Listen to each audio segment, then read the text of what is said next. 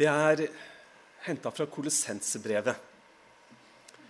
Og eh, Paulus skriver der i kapittel 4.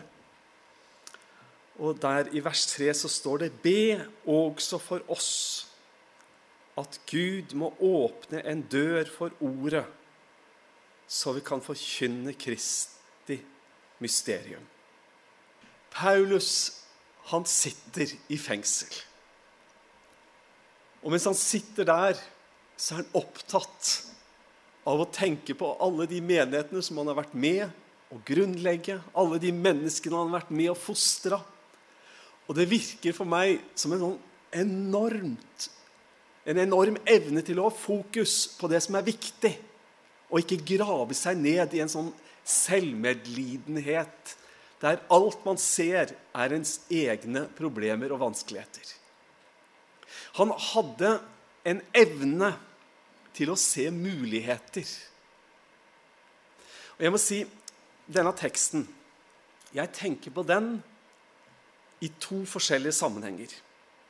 Jeg tenker på den i forbindelse med Skien og vår historie. Og jeg tenker på den i forbindelse med den glød og, og, og ja, den brann som jeg ser i mange av de vi får lov til å samarbeide med. Nå har vi blitt minna om John og Rasha, og vi har flere. Og jeg tror jeg skal nevne de så vidt om ei lita stund. Jeg påstår ikke at Paulus satt i fengsel og drømte om Skien. Men jeg, jeg tror han satt og drømte om La meg enda en gang få muligheten La ikke meg bli sittende her, fordi la meg få enda en gang muligheten til å forkynne Guds mysterium, evangeliet, det om at det er en åpen vei for hver eneste en av oss. Og Når jeg tenker på byen vår eh, På bønnemøtet på tirsdag Rolf Erik han, eh, Erik Janøy nevnte litt grann for meg. Og jeg må jo med, med, litt skam erkjenne at jeg hadde ikke fått med meg alle detaljene. Og noen få kan kanskje være litt omstridt også, men, men når vi tenker på byen vår Det at det har vært en vekkelsesby, det tror jeg vi alle har vært klar over veldig klart. Jeg slo opp i Store norske leksikon, og der leser vi litt om byen vår. Vi leser om en kar som eh, heter Lammers. G.A. Lammers. Der står det i Norge var Indremisjonen eh, forberedt av haugianerismen. Men ideen til det organiserte arbeidet kom fra Tyskland. Den første indremisjonsforeningen i Norge ble stiftet i Skien 1853 av G.A. Lammers. Nå må jeg erkjenne det kan være litt omstridt hvor den første foreningen ble oppstarta. For noe av disse bevegelsene ble litt til etter hvert som de vokste og utvikla seg.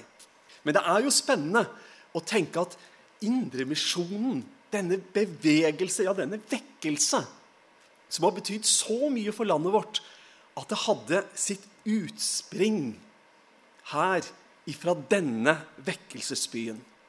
Og vi vet jo at Lammers han var en gudbenåda forkynner. Ja, vi, vi, leser om Lammersvekkelsen, og vi leser litt i biografien om han. Og så tenker jeg at det er noe av våre røtter.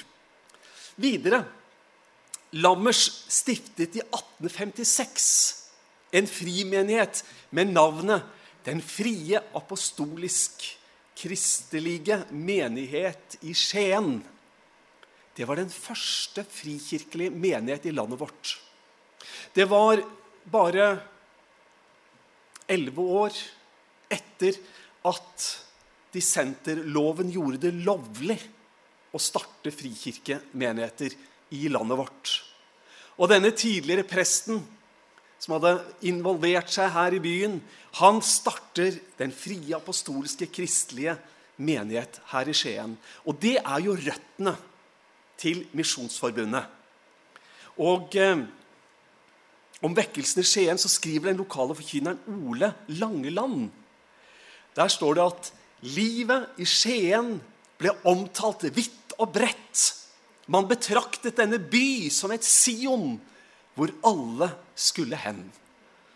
Altså Skulle man valfarte en plass, så var det ikke tvil om hvilken by man skulle reise til hvis man skulle oppleve Guds kraft og Guds berøring. Eh, og som sagt, dette er jo kilden til eh, Misjonsforbundet. En del av disse lammersmenighetene ble jo også baptistmenigheter. Men, men, flere har sine direkte røtter inn i lammersvekkelsen.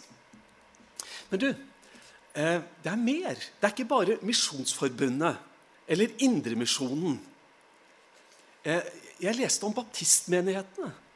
Der leste jeg at søndag 22. april 1860 ble den første baptistmenigheten i Norge stiftet i Rymkers hjem på gården Tollnes. De første baptistene var ivrige etter å dele sin tro med andre. Og Virksomheten gikk fram både i Porsgrunn og Skien. Det var ikke uvanlig at man måtte hogge hull i isen for å få døpt dem som ønsket å bli tillagt menigheten. I løpet av 1861 ble ikke mindre enn 22 personer døpt og lagt til menigheten. Og blant dem kom 15 fra Den lammerske frimenighet i Skien.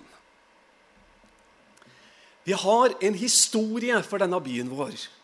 Nå har jeg nevnt Indremisjonen, Misjonsforbundet, Baptistsamfunnet og det er jo enda en stor bevegelse som har røtter her i Skien.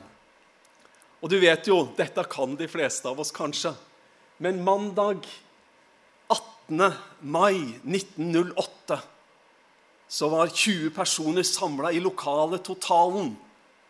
Da ble Norges første pinsemenighet grunnlagt. Menigheten i Totalen, senere menigheten i Tabernaklet, og enda senere Pinsekirken Tabernaklet Skien. Du, det var en brann i mennesker som sa La det åpnes dører. La meg benytte de anledningene. Det var en brann, og det var en glød, og det var et pågangsmot. Tre års tid før dette, altså i 1905, før Barats reise til USA, når han kommer tilbake igjen i 1906 i desember, fylt av Den hellige ånd, og bringer pinsevekkelsen til Norge. Men før det så var jo Sehus lengtende, søkende, baptistpastoren her i byen. Og Seus Sehus sa til kona Ida Kanskje vi bør reise over til Wales og oppleve vekkelsen og kanskje få en større velsignelse fra Gud. Han lengta, han tørsta. Fru Seus hun svarte, sitat, 'Nei, det behøver du ikke.' For Gud er den samme her i landet. Du kan få velsignelsen her i Skien. Bildet der, det er jo av Ida og CMCus med barna Ester, Karoline, Elisabeth og Ida. Og CMCUs, det er jo Carl Magnus. Og når Seus hører kona si det, så står det i historiebøkene at litt beskjemma så svarer Seus, 'Du har rett, Ida.' Vi får fortsette med bønnemøtene hver mandag sammen med byens predikanter og deres hustruer. Det var en glød, det var en lengsel. Og slik ble det. Hver mandag samla de seg til felles bønn på dagtid. Og bønneemnet, det var 'Gud, send vekkelse'. Og Så står det at det, så samtalte de om dette. Og på kvelden hver mandag så hadde de vekkelsesmøter. Og det skifta fra menighet til menighet, avhengig av hvor de var samla tidligere på dagen og hadde bønn og samtale lederne sammen. Og sånn kunne jeg holdt på og nevnt små bilder fra historien vår. Men dere, for meg er det mer enn bare en fortelling.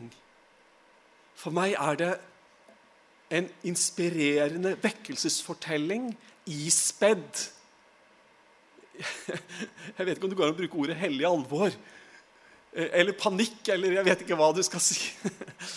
Du, altså Når man ser den tradisjon som vi får lov til å være en del av, og når vi ser på noe av det vi er satt til å være med å forvalte og føre videre, så er det jo et snev av alvor i det. Syns du ikke det?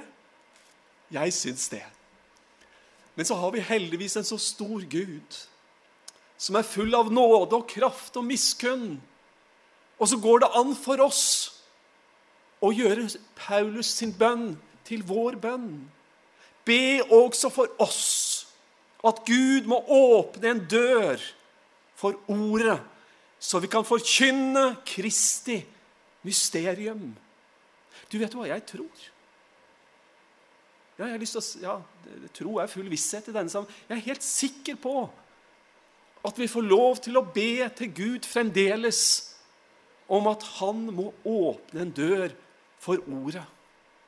Og jeg tror at det kan være en trøst for hver eneste en av oss som kan av og til føle at byrde og ansvar kan være mye. Det går an å be til den allmektige. Det er ikke verken Lammers eller Sehus eller noen av de andre som har betydd så mye. Men du og jeg, vi får lov til å be til den allmektige Gud om at han skal åpne dører og bruke det redskap som du og jeg får lov til å være.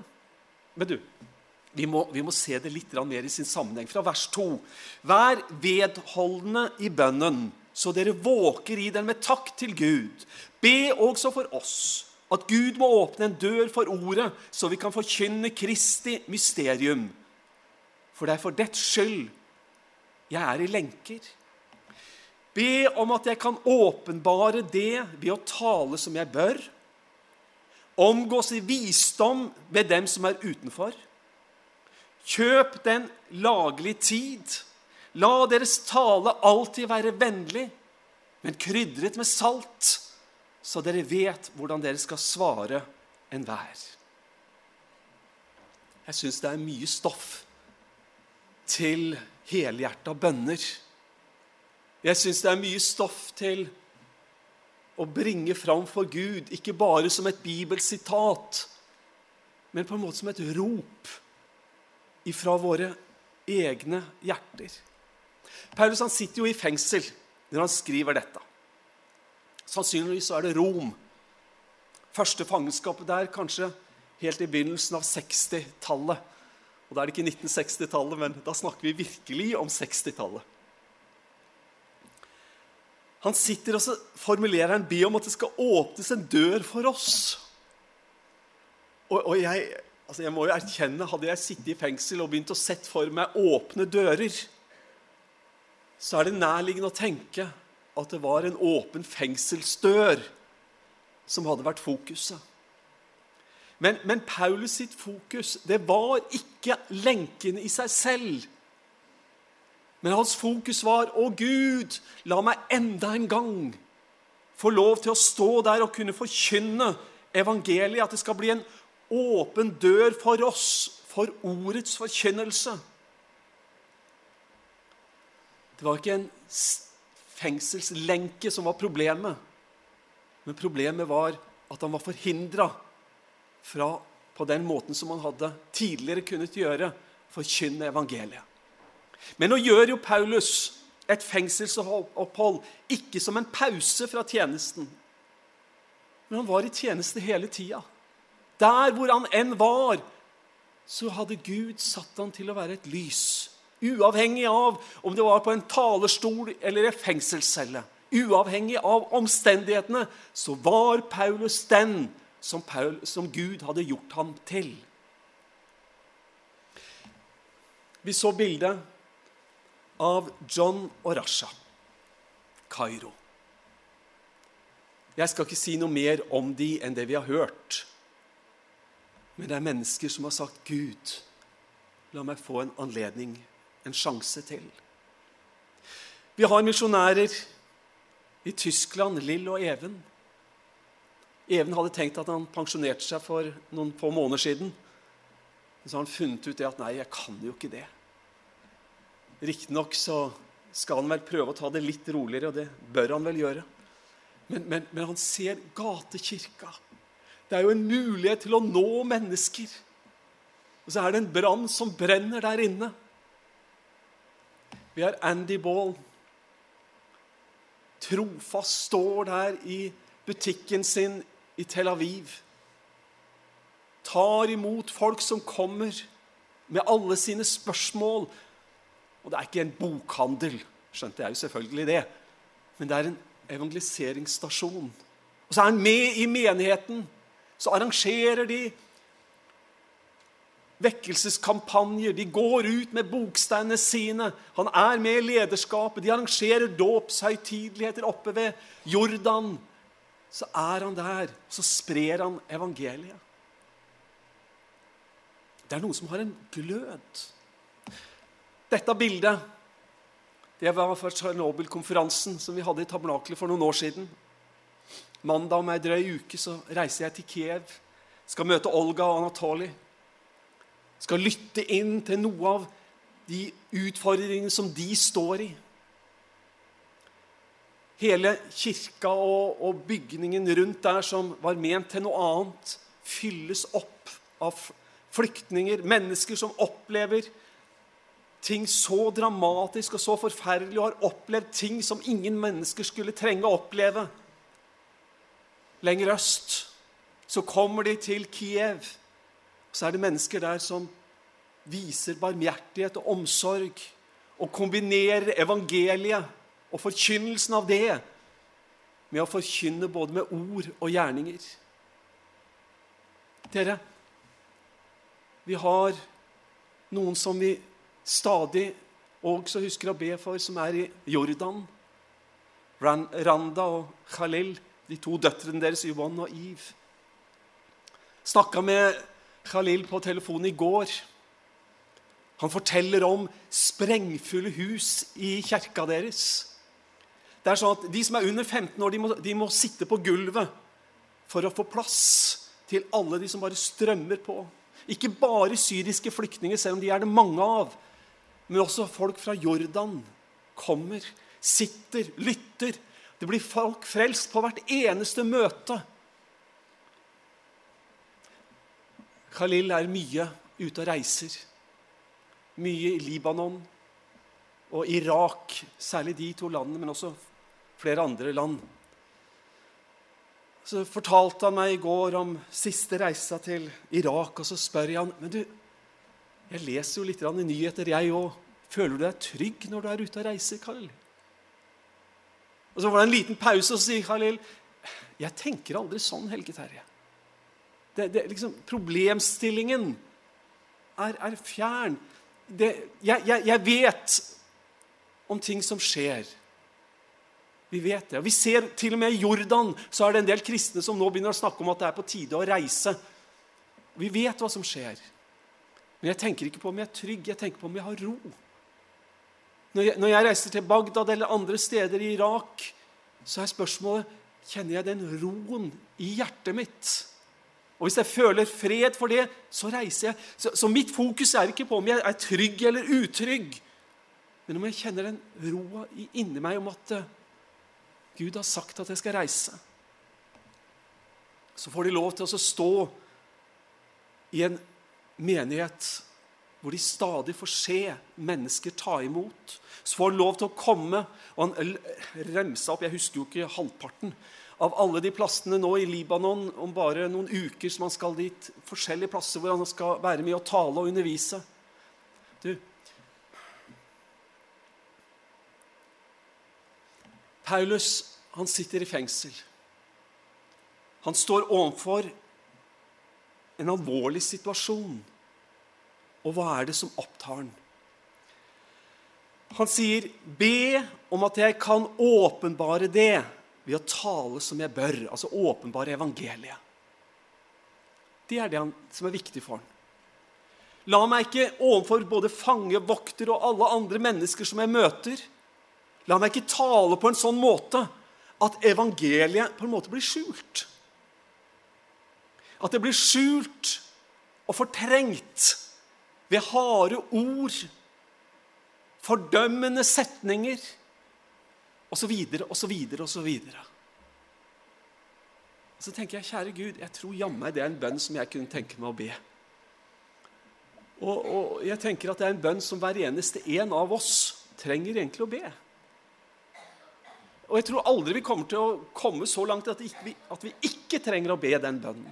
Kjære Gud, jeg ber om at jeg kan få tale som jeg bør, slik at Guds ord blir åpenbart gjennom det jeg sier. Og Så legger han til at han ber om at omgås i visdom med dem som er utenfor. Og Så snakker han om, om å kjøpe den lagelige eller beleilige tid. Så tenker jeg på byen vår som en vekkelsesby. Så tenker jeg på menigheten vår som en vekkelsesmenighet.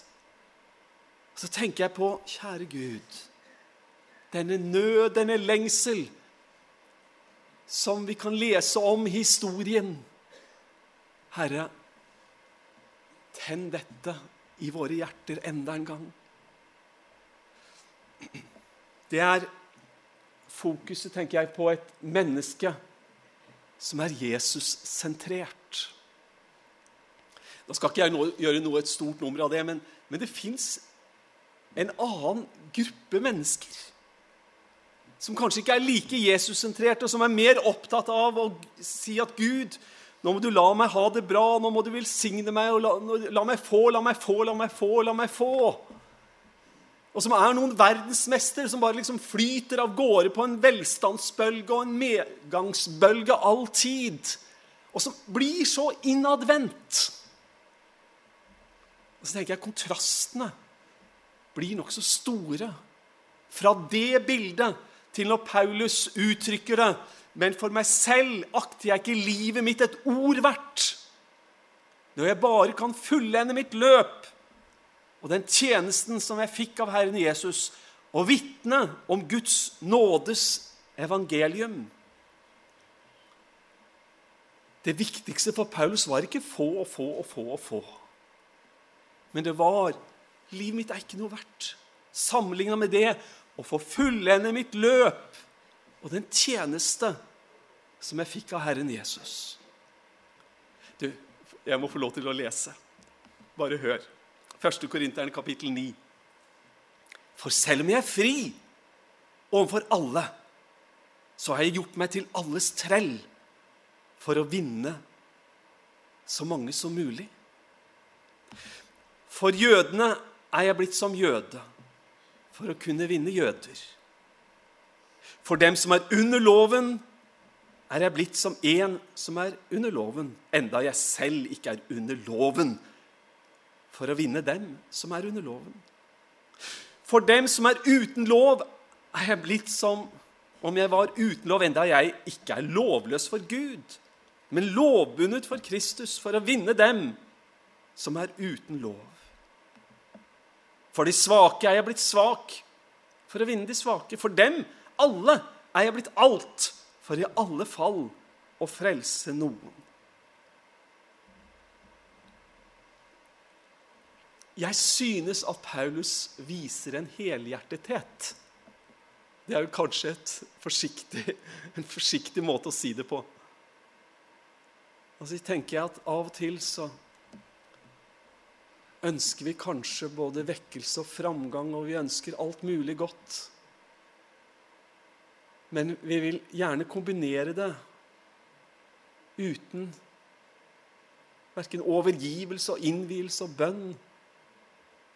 Og så er det et, en balanse at vi kan, vi kan be så mye vi vil, uten at det i seg selv er nok, men, men denne overgivelse til Gud og dette fokuset på Gud La oss få en mulighet til. Denne lengselen etter at andre skal høre. På torsdag uka som gikk, så var vi samla i kafeen. Eh, vi hadde en samling for gruppa 20-50. Det er et par generasjoner bare den gruppa. Vi vet jo det. Men, men, men, vi hadde invitert til en samtale der vi snakket om generasjoner. Og hvordan det skal føres videre. hvordan vi som menighet skal være med å fostre unge mennesker. Hvordan de skal oppleve et eierskap til både menighet og først og fremst til budskapet og til Jesus selv. Og så snakka vi om generasjoner, og jeg leste litt om, som en innledning om hvordan Paulus overfor Timoteus minner om, om bestemor og mor, og nå Timoteus. Men du, når vi snakker om generasjoner, og det er fint Jeg får lov til å ha mange foran, som har gått foran meg i min familie, som har vært med å be for meg og fostra meg og alt dette.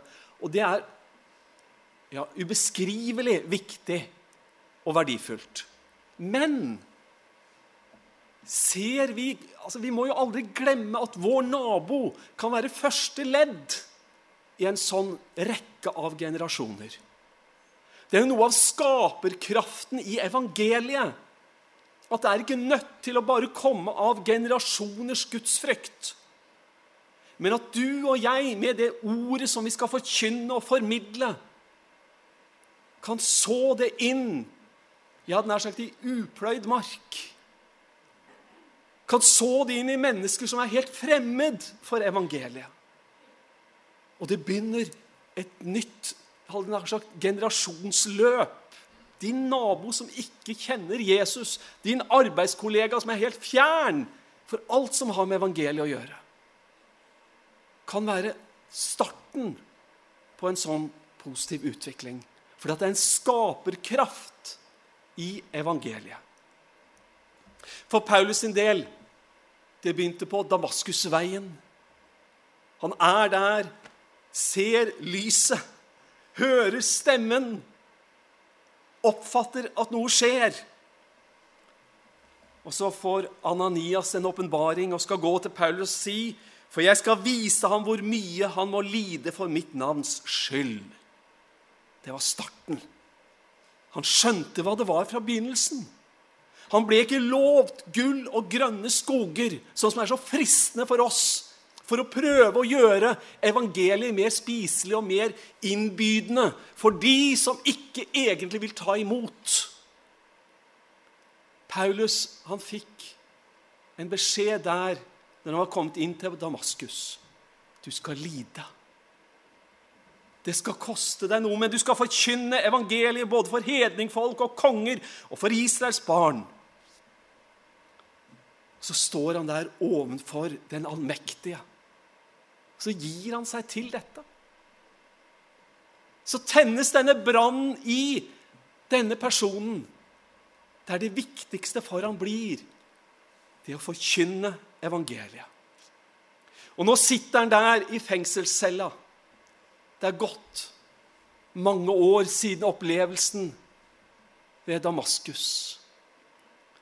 Han er mye rikere nå på erfaringer, kunnskap, forståelse. Han er blitt mange år eldre. Men brannen er den samme. Så er han der, og så har han denne inderlige bønnen, kjære Gud, enda en gang. Så skriver han til menigheten sin, be om at det skal åpnes en dør for meg. Det er det som ligger på hjertet hans. Be om enda en mulighet så tenker jeg på byen vår, så tenker jeg på menigheten vår. Så har jeg lyst til å be, kjære Gud, la det skje enda en gang. Det som ikke vi klarer å produsere av egen kraft, og som ikke vi trenger å prøve på engang. Men Gud, kom du med din kraft enda en gang. Glem oss ikke. Så vil vi søke Han, og så vil vi be om at den byen hvor Indremisjonen hadde sitt utspring, Misjonsforbundet sitt utspring, Baptistsamfunnet sitt utspring, Pinsevekkelsen sitt utspring Hvis de legger litt på på alle punktene Men du, denne byen som har blitt brukt til så mye Gud, enda en gang. Ikke for at vi skal bli store, ikke for dette, men Gud, for at mennesker trenger deg. Det siste jeg skal si Det står jo i åpenbaringen Se, jeg satt foran deg en åpnet dør som ingen kan stenge. Det er det Paulus ba om. Herre, en åpen dør for ordet. Og egentlig så er det ikke Skien by som jeg er så opptatt av. Det er deg og meg jeg egentlig tenker på. Eh, at denne byen enda en gang Gud gjør det til en vekkelsesby. Jo, jeg ber den bønnen. Men, men det er enkeltmennesker. Vi står innenfor Gud, du og jeg, som enkeltmennesker. Og jeg har gode nyheter til oss. Paulus sin bønn La det skje enda en gang. Åpne dører. La meg få lov til å ikke bare ha blikket vårt pensa inn mot de store oppgavene. Det som skal gjøres, det som skal utføres, ordet som skal forkynnes. Men la meg få si det sånn. Han har satt foran deg en åpna dør inn til sin nærhet. Så tenker jeg av og til at hvis vi bare går den veien, hvis vi bare søker inn til Han Noe av dette som Seus tenkte når han sa skal jeg gå over til Wales for å se på vekkelsen der, og kona sier nei, du trenger ikke det. Du kan møte Gud her. Så sier han ja, det har du rett i. Vi får fortsette med bønnemøtene hver mandag. Og samtalene og lengselen. Så vil vel Gud komme. Du, vi som er her denne dagen vi får gjøre det. Vi får søke hen til Jesus. Vi får søke hen til han og innvie både liv og evner og gaver. Så tror jeg helt sikkert han kommer til å bruke hver eneste en av oss. Det er ikke sikkert det kommer til å stå i historiebøkene, men jeg tror det kommer til å skrives i en annen bok som er mye viktigere enn en historiebok som, som omtaler menneskers verk, om hva de fikk utført, osv., osv. Det er en som skriver i livsens bok. Og må Gud hjelpe oss til å være med og bringe mennesker til Han. Kjære Jesus, hør vår bønn, all godhetsgiver. Fader, Sønn og Hellig Ånd. Amen.